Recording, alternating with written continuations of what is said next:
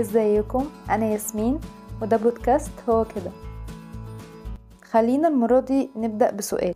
هو لو الإنسان اتبنى شوية أفكار في وقت من حياته وكان مؤمن بيها جدا وبيدافع عنها باستماتة وجي وقت وغير الأفكار دي اكتشف إنها غلط بقى أو خلاص يعني ما بقتش مناسباه أو غير رأيه عادي من غير سبب ليه لما بيجي يشارك أفكاره الجديدة دي بيشاركها على استحياء كده؟ اللي هو بيقول بصوت واطي كده إنه آه ده كان رأيي زمان بس أنا خلاص غيرت رأيي.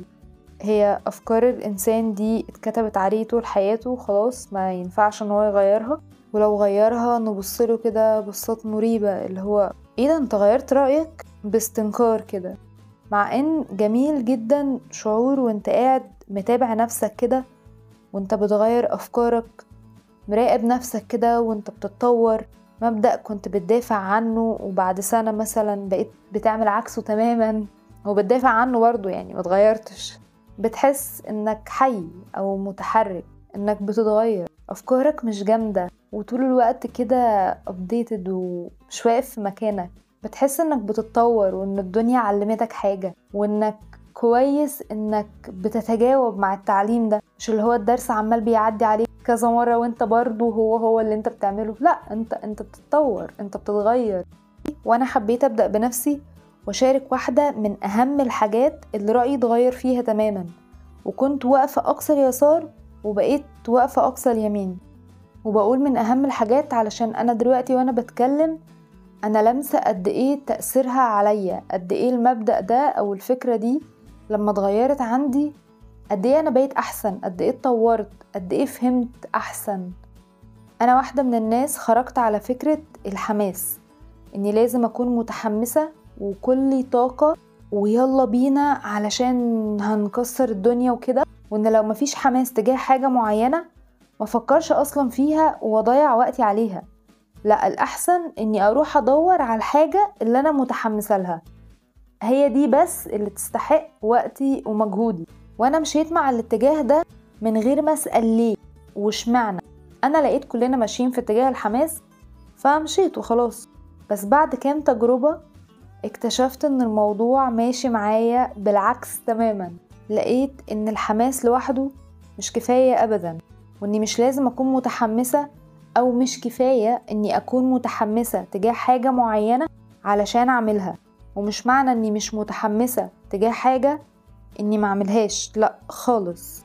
اكتشفت إن الحماس ده عبارة عن مشاعر والمشاعر دي شيء متغير فما ينفعش أعتمد عليها وأنا باخد قرارات كبيرة.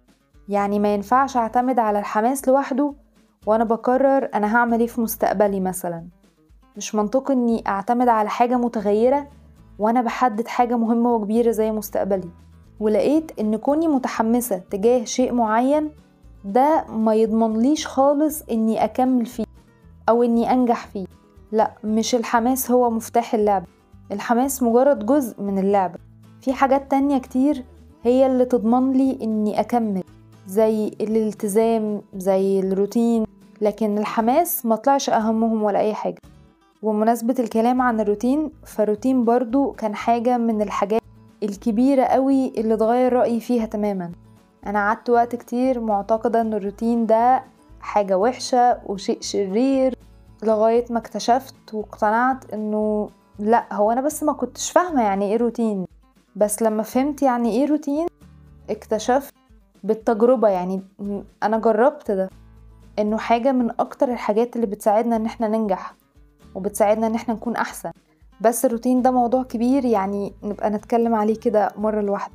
أنتوا كمان قولولي كنتوا مصدقين في إيه قوي وبعدين بالتجربة اكتشفتوا إن طلع غلط خالص أو طلع العكس تماما. وأنا بفكر الحلقة الجاية اتكلم عن الروتين بما انه حاجة من الحاجات المظلومة قوي وسمعتها سيئة كده فقولولي لو متحمسين ان إحنا نتكلم عن الروتين. وبس كده. استنوني يوم الاثنين اللي جاي علشان نتكلم في موضوع جديد. أنا ياسمين وده بودكاست هو كده.